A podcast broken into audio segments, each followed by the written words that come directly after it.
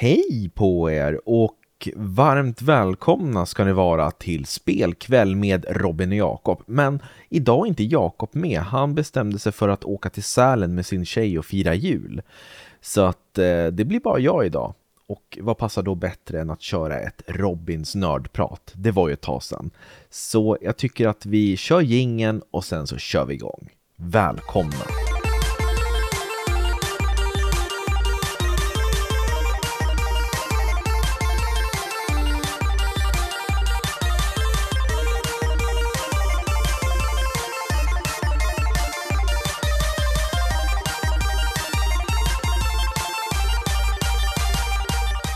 Sådär, då hälsar jag er åter välkomna till spelkväll med Robin och Jakob utan Jakob. Och idag när jag spelar in det här så är det faktiskt dagen innan julafton 2022. Så god jul till alla er som lyssnar just nu eller kommande jular. Och inte god jul till er som lyssnar när det inte är jul helt enkelt. ja, jag tänkte i alla fall köra igång dagens avsnitt och temat för dagen. Och eh, det är tio spel som fått mig att gråta. Och när jag berättade för Jakob om det här, då sa han, men fy fan Robin, det här kommer bli så tråkigt och allvarligt och sentimentalt och pretentiöst och larvigt. Så att du måste klippa in ljud på mig. Så att det blir lite roligt och lite, ja, men lite variation så att man, man inte bara hör din tråkiga röst. Så han har spelat in lite förinspelade röstklipp till mig som jag tänkte bara kasta in lite här och där. Så jag kastar väl in det första. Ja, men vilken bra idé att spela in någon spel som får en att gråta. Det kommer säkert bli en jättebra podcast det här. Så det är skönt att kunna kasta in dig lite här och där i avsnittet ifall det blir för allvarligt. Skönt att jag inte är med. Men om vi då ska prata om spel som har fått mig att gråta, vad menar jag då? Jo, faktiskt spel som har fått mig att gråta av sorg, så att det har varit sorgligt. Men sen också en annan typ av gråt, liksom glädjetårar, tårar som kanske inte kan definieras som sorg eller glädjetårar utan bara kommer för att man har blivit berörd på något vis och på något plan. Och det är det jag tänker försöka lista här, spel som har fått mig att känna så. Eh, så att vi tar ett av de här tio spelen. Det är inte någon ranking på de här, utan det är tio spel som har berört mig. Så vi kör igång. Och det första spelet, det är ett Xbox 360-spel som är ganska bortglömt, skulle jag säga. När det kom så blev det ganska sågat. Och det heter Lost Odyssey och utvecklat av Hironobu Sakaguchi, fadern till Final Fantasy. Och Hironobu Sakaguchi, han jobbade på Square Enix i massvis av år och producerade en mängd Final Fantasy-spel. Men han slutade sen och startade ett nytt företag som hette Mistwalker, där han skulle fokusera på att göra rollspel. Och han gjorde dels det lite barnsligare och charmiga spelet Blue Dragon, men också det här vuxna allvarliga Lost Odyssey. Och Lost Odyssey det handlar om Kaim Argonar, en man som har levt i tusen år, men han minns ingenting av vad som har hänt. Och han lever i en magisk värld, väldigt fantasy-inspirerad värld, där han då måste ta reda på vad är det som har hänt under de här tusen åren och varför har jag glömt? Och Lost Odyssey blev ju väldigt sågat när det kom, som jag nämnde tidigare. Många av kritikerna tyckte att det var tekniskt undermåligt, det var långa väntetider, laddningstider mellan striderna och striderna var ganska enformiga och var inte särskilt nyskapande. De körde på samma spår som de tidigare Final Fantasy-spelen hade gjort. Så många missade Lost Odyssey och jag tycker det är synd för att det innehöll fantastisk musik av Nobuo Uematsu och en story som är riktigt imponerande och välskriven och till och med ganska unik för den här spelgenren. För Kaim, han minns ju inte de här tusen åren som har gått som sagt. Men man kan låsa upp hans minnen och det gör man genom att klara av vissa sidequests och utföra andra saker ute på kartan i spelet. Och när man då låser upp de här minnena då får man inte se dem som en liksom till, tillbakablick eller flashback som man kanske tror, utan man får läsa dem. Det är text och musik och bakgrundsbilder, så det ser ut som en, en bok ungefär, alltså en, en kort liten novell varje minne. Och de här minnena, de är så otroligt välskrivna och musiken, liksom, de träffar helt rätt. Och det var under en sån här novell som jag läste som jag, det bara, jag bara bröt ihop fullständigt och började gråta för att det var så sorgligt och rörande. Och det, jag minns inte exakt vad den handlade om nu, men det var om en kvinna som, som gick bort, som Kaim lärde känna under några år. Och det var väldigt, väldigt sorgligt helt enkelt. Så att ni får gå och spela Lost Odyssey om ni inte har gjort det. Jag tror att man kan köpa det till Xbox Series X och S. Eh, eller så ingår det i Game Pass, jag minns inte riktigt. Men Lost Odyssey, det är en liten borttappad pärla som jag tycker många borde testa på. Och nästa spel på min lista här heter That Dragon Cancer. Och det här tycker jag är det sorgligaste spelet som någonsin har gjorts. För det här är utvecklat av två föräldrar till ett cancersjukt barn som tyvärr gick bort. Och de ville göra ett spel för att dels hylla sin son men också att eh, förmedla och dela med sig av hur det känns att vara anhörig till ett cancersjukt barn. Och det här är ett ganska avskalat spel. Det är väldigt mycket mer en visuell upplevelse än vad det är ett spel. Eh, det hoppar mellan olika tidsperioder under den här sjukdomen. Och eh, man får spela liksom både ur föräldrarnas perspektiv och barnets perspektiv och det är så fint och sorgligt så att jag orkar knappt prata om det men i slutet av spelet när, ja precis innan eftertexterna rullar så Äh, det gjorde så ont i bröstet på mig. Jag, eh, jag förstår inte hur man klarar av att gå igenom en sån där sak. Särskilt nu när jag är förälder och när jag spelade här så var jag inte det. Och då när jag spelade, då grät jag som en tok. Och skulle jag göra det nu, jag skulle inte klara det. Jag skulle inte klara mig förbi första eh, menyn ens. Så att That Dragon Cancer, spela det om ni orkar. Eh, om ni har den mentala orken för det. För det är riktigt fysiskt och psykiskt påfrestande. Eh, men det är ett fantastiskt spel. Så That Dragon Cancer. Då går vi raskt vidare till nästa spel. Och det här spelet tror jag många har med över listan över spel som man brukar gråta åt. Och det är ju inget annat än Final Fantasy 7. Åh, Final Fantasy. Mm, originellt. Ja men verkligen alltså. Och det är en specifik sekvens jag tänker på där. Och det är ju såklart när, spoiler alert, Aerith blir mördad av Sephiroth. Det är en sekvens som jag inte spelade på release, alltså det släpptes 97 men jag spelade det här 2007, så 10 år senare. Och även fast att grafiken var otroligt utdaterad vid den här tidpunkten så var spelet så pass och är fortfarande så pass bra eh, regisserat så att det, det kändes verkligen för att Aerith hon var en, en, en healare man använde henne nästan hela tiden i, i teamet när man stred och så vidare. Och hon var en glad tjej som verkligen var optimistisk i den här mörka världen och Cloud, huvudpersonen då, det kändes som att han mjuknade upp när han fick vara med Aerith.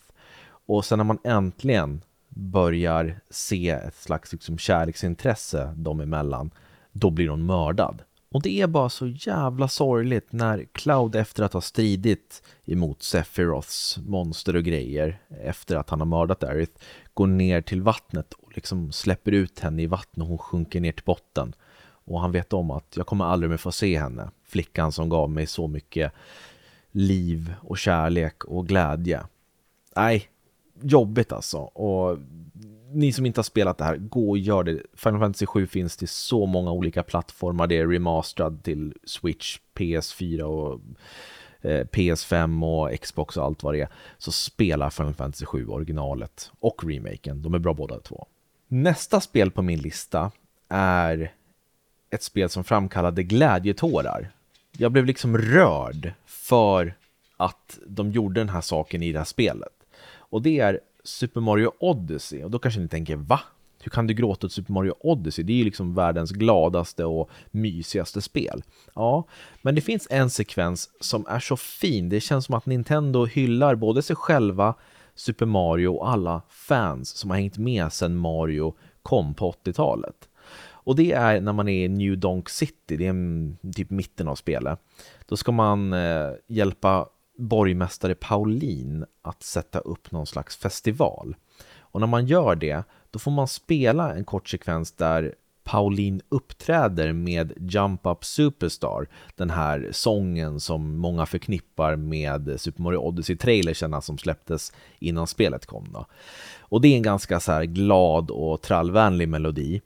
Och samtidigt som Pauline uppträder med den här sången så får man springa som Super Mario och hoppa ner i ett rör och då förvandlas han till 8-bitars versionen av sig själv. Och så får han springa och hoppa och liksom klara av hinder och så blir det som en, en hyllning till Mario genom tiderna. Det är bara så fint och det flyger konfetti över skärmen och liksom, det är bara liksom de här klassiska Super Mario-ljuden när man tar mynten, bling, bling, bling, bling, bling. Och så får man se ett gästspel av Donkey Kong och så ska man hoppa upp och hoppa över saker. Det är bara kärlek, kärlek, kärlek till fansen, till Mario och till sig själva, Nintendo. Så att Super Mario Odyssey, den biten, den var verkligen så att åh, Åh oh, gud, jag är så stolt över att jag fått följa med på det här. Alltså, man kändes delaktig på något vis, fast att man inte alls är det. Så att eh, Super Mario Odyssey, fantastiskt spel. Och nu kommer jag till ett spel på listan som är ett eh, Playstation 3-spel från början. Och det här spelet, det tog mig en tid att grotta mig in i, för jag tyckte först att det var för överhypat när det kom och spelade kanske 10 minuter och sen så ledsnade jag. Men sen gav jag det en till chans och då träffade det mig rätt in i själen. Och det är Journey. Ett spel som handlar om en mystisk individ som man spelar som som ska ta sig till toppen på ett berg och man vet inte varför, det finns ingen dialog i spelet, det finns bara musik och bild så att säga. Och man börjar att gå över en liksom varmhet, öken och sen så sakta men säkert så tar man sig in i någon form av ruin och, och så kan man få nya förmågor och det är ett ganska kort spel, jag tror det tar typ två till fyra timmar att spela. Och det är just kombinationen musik med gameplay och det som händer på skärmen. De tre sakerna går så bra hand i hand. Det är ett väldigt fint spel och en underbar upplevelse som bara spel kan förmedla tycker jag. Så att eh, jag kan liksom inte ge det eh, rättvisa genom att prata om det. Man måste spela Journey. Men det var någon gång i mitten av spelet där när jag fick någon ny förmåga och musiken liksom bara bombade ut i högtalarna och jag liksom kände att jag hade kontroll över karaktären. Det var som att jag blev berörd. Alltså jag märkte mig själv med att varför gråter, varför rinner en tår här för? Det var bara för att allting klaffade med spelmekaniken, musiken och grafiken. Och sen så är ju spelet också, det är ju ett vackert spel rent visuellt så att det är ju också en upplevelse i sig. Och sen slutet, jag ska inte spoila det men det känns bara som en cirkel som sluts på något vis. Så har ni inte spelat Journey, gör det. Såg ni vad jag gjorde där eller? Ja, nej, glöm det. Mm, Åh, det där lät ju verkligen jättekul, Roba. Vi hoppar vidare till nästa och där hittar vi inget mindre än Phoenix Wright Trials and Tribulations. Ni har säkert hört mig prata om Ace Attorney-serien hur många gånger som helst. Man spelar som en advokat. Det är visuella noveller med pusselelement. Man ska korsförhöra vittnen i rättssalen och så vidare. Eh, hitta mördare och leta bevis och grejer. Men i slutet av Ace Attorney 3, alltså Trials and Tribulations, så knyts allting ihop, säcken knyts ihop, det finns inga frågetecken kvar. Allt som har skett i ettan och tvåan, alla frågetecken, det reds ut. Man får reda på allting. Och det är bara någonting så sorgligt med, återigen, spoiler alert, den här åklagaren Godot, som han heter, han har ett agghat mot Phoenix Wright under hela spelets gång. Och man får reda på att han, han anklagar Phoenix för att inte ha beskyddat Mia Fey, alltså hon som dör i första spelet. Eh, för att Godot har varit förälskad i henne. Och han låg på sjukhus. Det är massa, massa intriger och konflikter och grejer som hör ihop med det här och man måste spela hela spelet för att få hela uppfattningen. Men Godot menar i alla fall att det är Phoenix fel att Mia blev mördad under tiden Godot låg på sjukhus. Och Phoenix, han kan ju inte rå för det. Han kan ju inte liksom ta ansvar för vad som hände med henne, men Godot vill ha någon att skylla på och då blir det Phoenix automatiskt. Så det är därför han kommer tillbaka som åklagare där han egentligen, innan han hamnade på sjukhus, var advokat. Och det är så sorgligt för att det är inte bara det att han har förlorat sitt livs kärlek Godot, utan han har även förlorat synen när han då låg på sjukhus. Och i och med det här så måste han bära ett visir. Och det här visiret gör att han bara ser allting i rött. Så han kan inte se färgen röd. Det är lite paradoxalt, men eftersom han ser allt i rött, då kan han inte urskilja och se vad som är rött. Så han missar några detaljer i sista caset i spelet. Han ser inte blodfläckar, för att allting är ju rött. Och sen precis när man har rätt ut allting och han på något sätt förlåter Phoenix för att Mia blev mördad så börjar han att gråta, men det är inte vanliga tårar som kommer utan det är röda tårar. Och han säger att i min värld finns inte färg, färgen röd, så jag antar att det här är mina tårar. Eh, så att det, alltså jag blir så här, wow, vilket jäkla manus det här är och vilken symbolik det är med olika saker i verkligheten och känslor hit och dit och psykologi och sådär. Jag tycker bara att det här är ett fantastiskt manus och världens bästa story i ett spel någonsin, tycker jag. Så spela Phoenix Wright, den här trilogin, ettan, tvåan, trean, för att man får inte en mer komplett berättelse. Det går inte att hitta. Jag tycker det. Och det är just den här slutsekvensen som fick mig att, att gråta för att jag tyckte så synd om Godot och Phoenix och Mia och alla i det här spelet egentligen. Det är bara misär men ändå vackert på något vis. Nästa spel på listan påminner ganska mycket om Journey i det stuket att man inte har någon text egentligen utan berättelsen berättas genom gameplayet, musiken och det visuella. Och det är Shadow of the Colossus som handlar om en pojke som heter Wonder. Han går in i ett förbjudet land där man inte får äntra och han har med sig en död flicka som han vill väcka till liv igen. Så han rider in på sin häst Agro med den här flickan i famnen. Han kommer fram till ett altare i en stor ruin och lägger henne på det här altaret och det är någon slags gudaröst som talar till Wonder och säger att du måste besegra de 16 kolosser som vandrar omkring här i det här landet. Och när du har besegrat dem så kommer din flickvän eller din vän att väckas till liv. Så han hoppar upp på Agro och rider ut i den här stora öppna världen. Och målet är att ta död på de här kolosserna.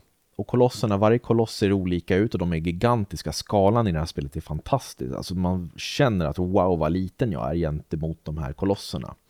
Och varje koloss är som ett eget pussel, att man måste försöka lista ut hur ska jag komma upp på kolossen till att börja med och hitta deras svaga punkter och så vidare. Eh, men det är ju slutet, spoiler alert, som är så sorgligt för Wonder, han har kämpat så hårt och man har verkligen liksom tagit liv av de här stora kolosserna och kämpat blod, svett och tårar. Och det visar ju sig att han har blivit lurad av den här dumma guden eller demonen kanske man ska kalla det för. Och kolosserna har varit som någon form av skydd och hållit tillbaks demonen. Men eftersom de nu är besegrade och dödade av Wonder så kan demonen härja fritt. Så Wonder omkommer ju tyvärr. Och allting går ju åt helvete och allt man har kämpat för var inte värt det liksom. Och där, när det hände så kände jag bara nej, vilken jävla miss alltså. Vad tråkigt och sorgligt för Wonder och den här flickan som ligger på altaret. Så att då kom det tårar. Sen i och för sig, efter eftertexterna, eller under eftertexterna kanske det är, så ser man att flickan vaknar upp till liv. Så hon vaknar ju, men Wonder är ju borta och glömd sedan länge. Så att Shadow of the Colossus, det är ett fantastiskt vackert spel och filosofiskt. Och det finns ju en remake till PS4 som är faktiskt bättre än originalet, så spela det. To the Moon är ett spel som jag tror att många känner igen eller har hört talas om. Men jag tror inte lika många har spelat det. Det är ett indiespel som kom ut för cirka tio år sedan när det här spelas in då. Och det handlar om två forskare som bedriver en slags verksamhet där man kan åka till människor och ge dem, alltså typ plantera minnen, falska minnen för att de ska få uppleva saker som de inte fick göra i livet. Och det är ofta människor, gamla människor som ligger på dödsbädden som önskar att om jag bara hade fått göra det här i livet. Och då kan de gå in i deras eh, minnen och eh, göra om lite grann och så vips så tror de här döende människorna att eh, ja, jag fick åka dit eller jag träffade den här personen och så vidare. Och To the Moon, det handlar om en man som heter Johnny som ligger på dödsbädden och han önskar att ja, om jag bara fått åka till månen, det är allt jag hade velat göra. Så då kommer de här två forskarna och ska hjälpa till med det. Och så nystas hans liksom förflutna upp när de traverserar i hans eh, medvetande. Och det är en stark och sorglig berättelse. Jag tänker faktiskt inte spoila någonting utan det finns till Switch det här och massa andra plattformar. Ganska billigt. Det är 2D-grafik. Det ser ut som ett ganska alltså, kompetent Super Nintendo-spel grafikmässigt och påminner om Final Fantasy 6. Det finns inga strider utan det är väldigt storydrivet. Man kan knappt eh, göra något annat än att klicka sig fram i text. Man gör väl någon typ av pussel. Eh, lösning någonstans men det är storyn som är fokus och musiken.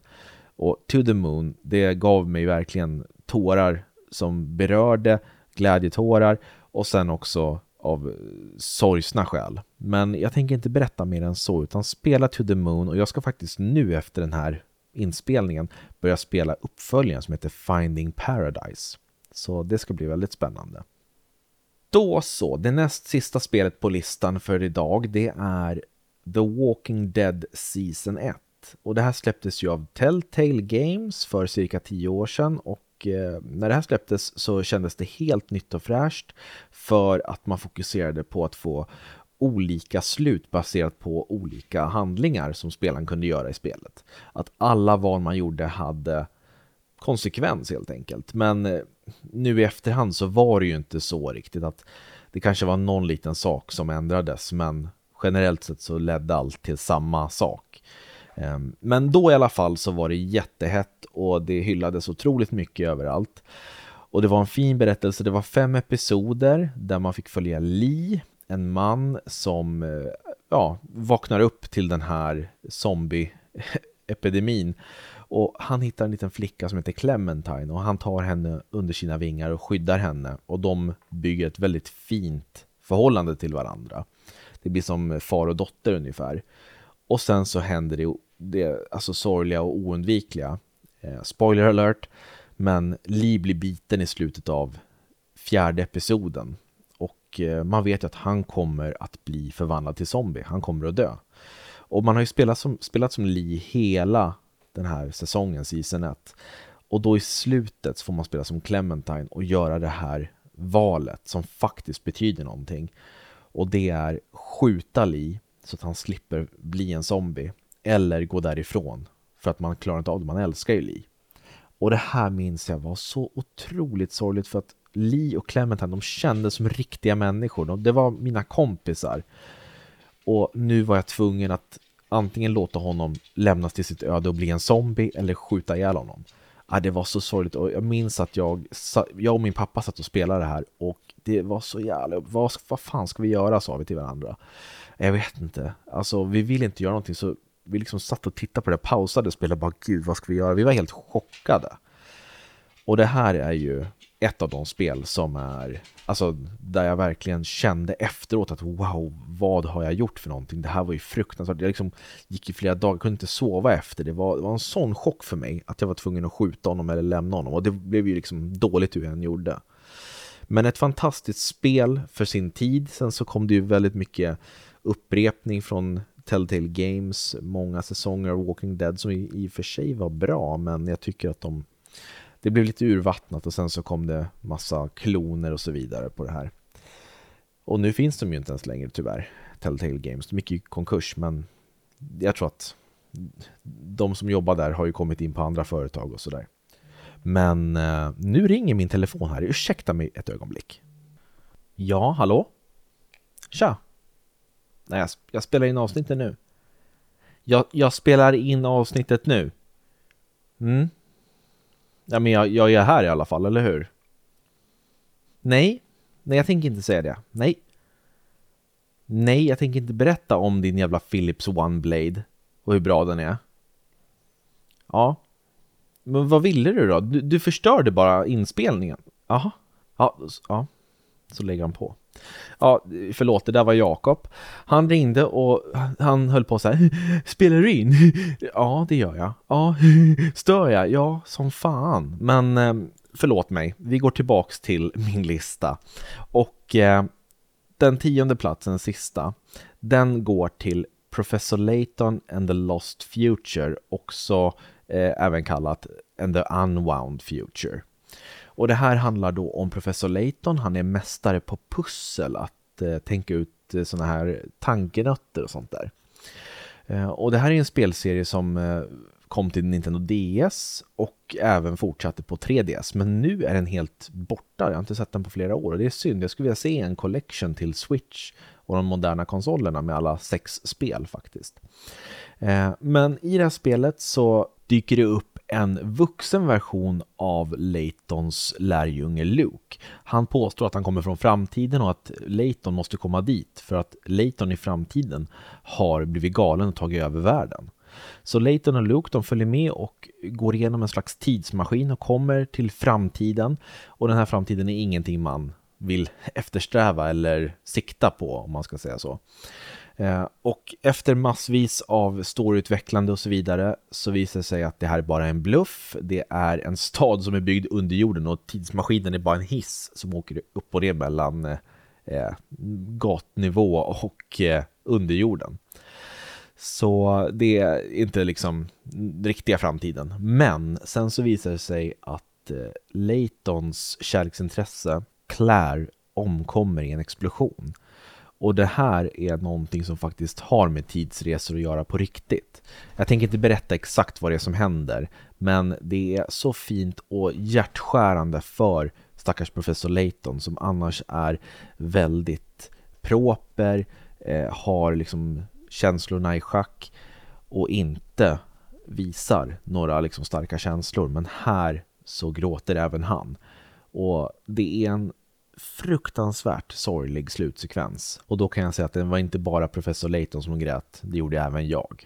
Så där har ni kort och gott min lista på 10 spel som har fått mig att börja gråta och det skulle vara väldigt kul att höra vad ni har för spel på er lista. Om ni har något spel som har fått er att gråta eller något spel som har fått er att känna starka känslor. Kanske rage-quittat och kastat handkontrollen rätt in i tvn. Vem vet? Jag vet i alla fall att Jakob gjorde det någon gång och det finns på Youtube när han lackar på Knockout City tror jag det är, det här Dodgeball-liknande spelet. Det är ganska kul när han lackar. Eh, och jag hoppas att ni har en trevlig jul och nyår och att ni inte glömmer bort vår uppesittarkväll den 30 december 20.00. Alltså klockan 8 på kvällen den 30 december kommer vi hålla en uppesittarkväll. Vi kommer utse årets spel, det kommer finnas tävlingar där ni kan vinna jättefina priser och sen så kanske kommer någon hemlis som avslöjas eller någon hemlig gäst eller någon hälsning här och där. Kanske från en youtuber eller poddare som du känner igen. Vem vet, så missa inte 30 december. Så ha en fantastiskt trevlig spelkväll, spelmorgon, speldag, whatever, när ni nu spelar. Och tack för att ni har lyssnat. Och tack till dig Jakob för att du var med idag också. Ja, det här poddavsnittet var ju sådär, men nästa gång så lovar jag att jag är med i alla fall. Så hoppas att alla, ja, det är kanske inte så jättemånga som är kvar här till slutet, men eh, hoppas att någon är kvar. Ja, det är väl eh, Robin då kanske. Ha det bra, vi hörs, hej!